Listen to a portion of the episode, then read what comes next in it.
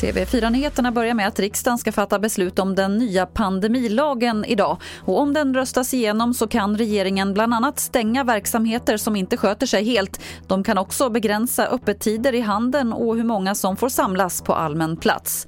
Lagen ska börja gälla redan på söndag och fram till slutet av september.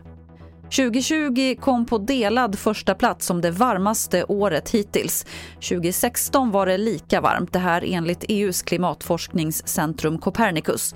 Det senaste decenniet har också varit det varmaste som uppmätts och de senaste sex åren de varmaste som registrerats. Och vi avslutar i USA där pressen på Donald Trump ökar och det pratas om olika möjligheter att få honom avsatt i förtid. Men statsvetaren Merrick Tabor menar att det finns ett annat alternativ som är det mest troliga.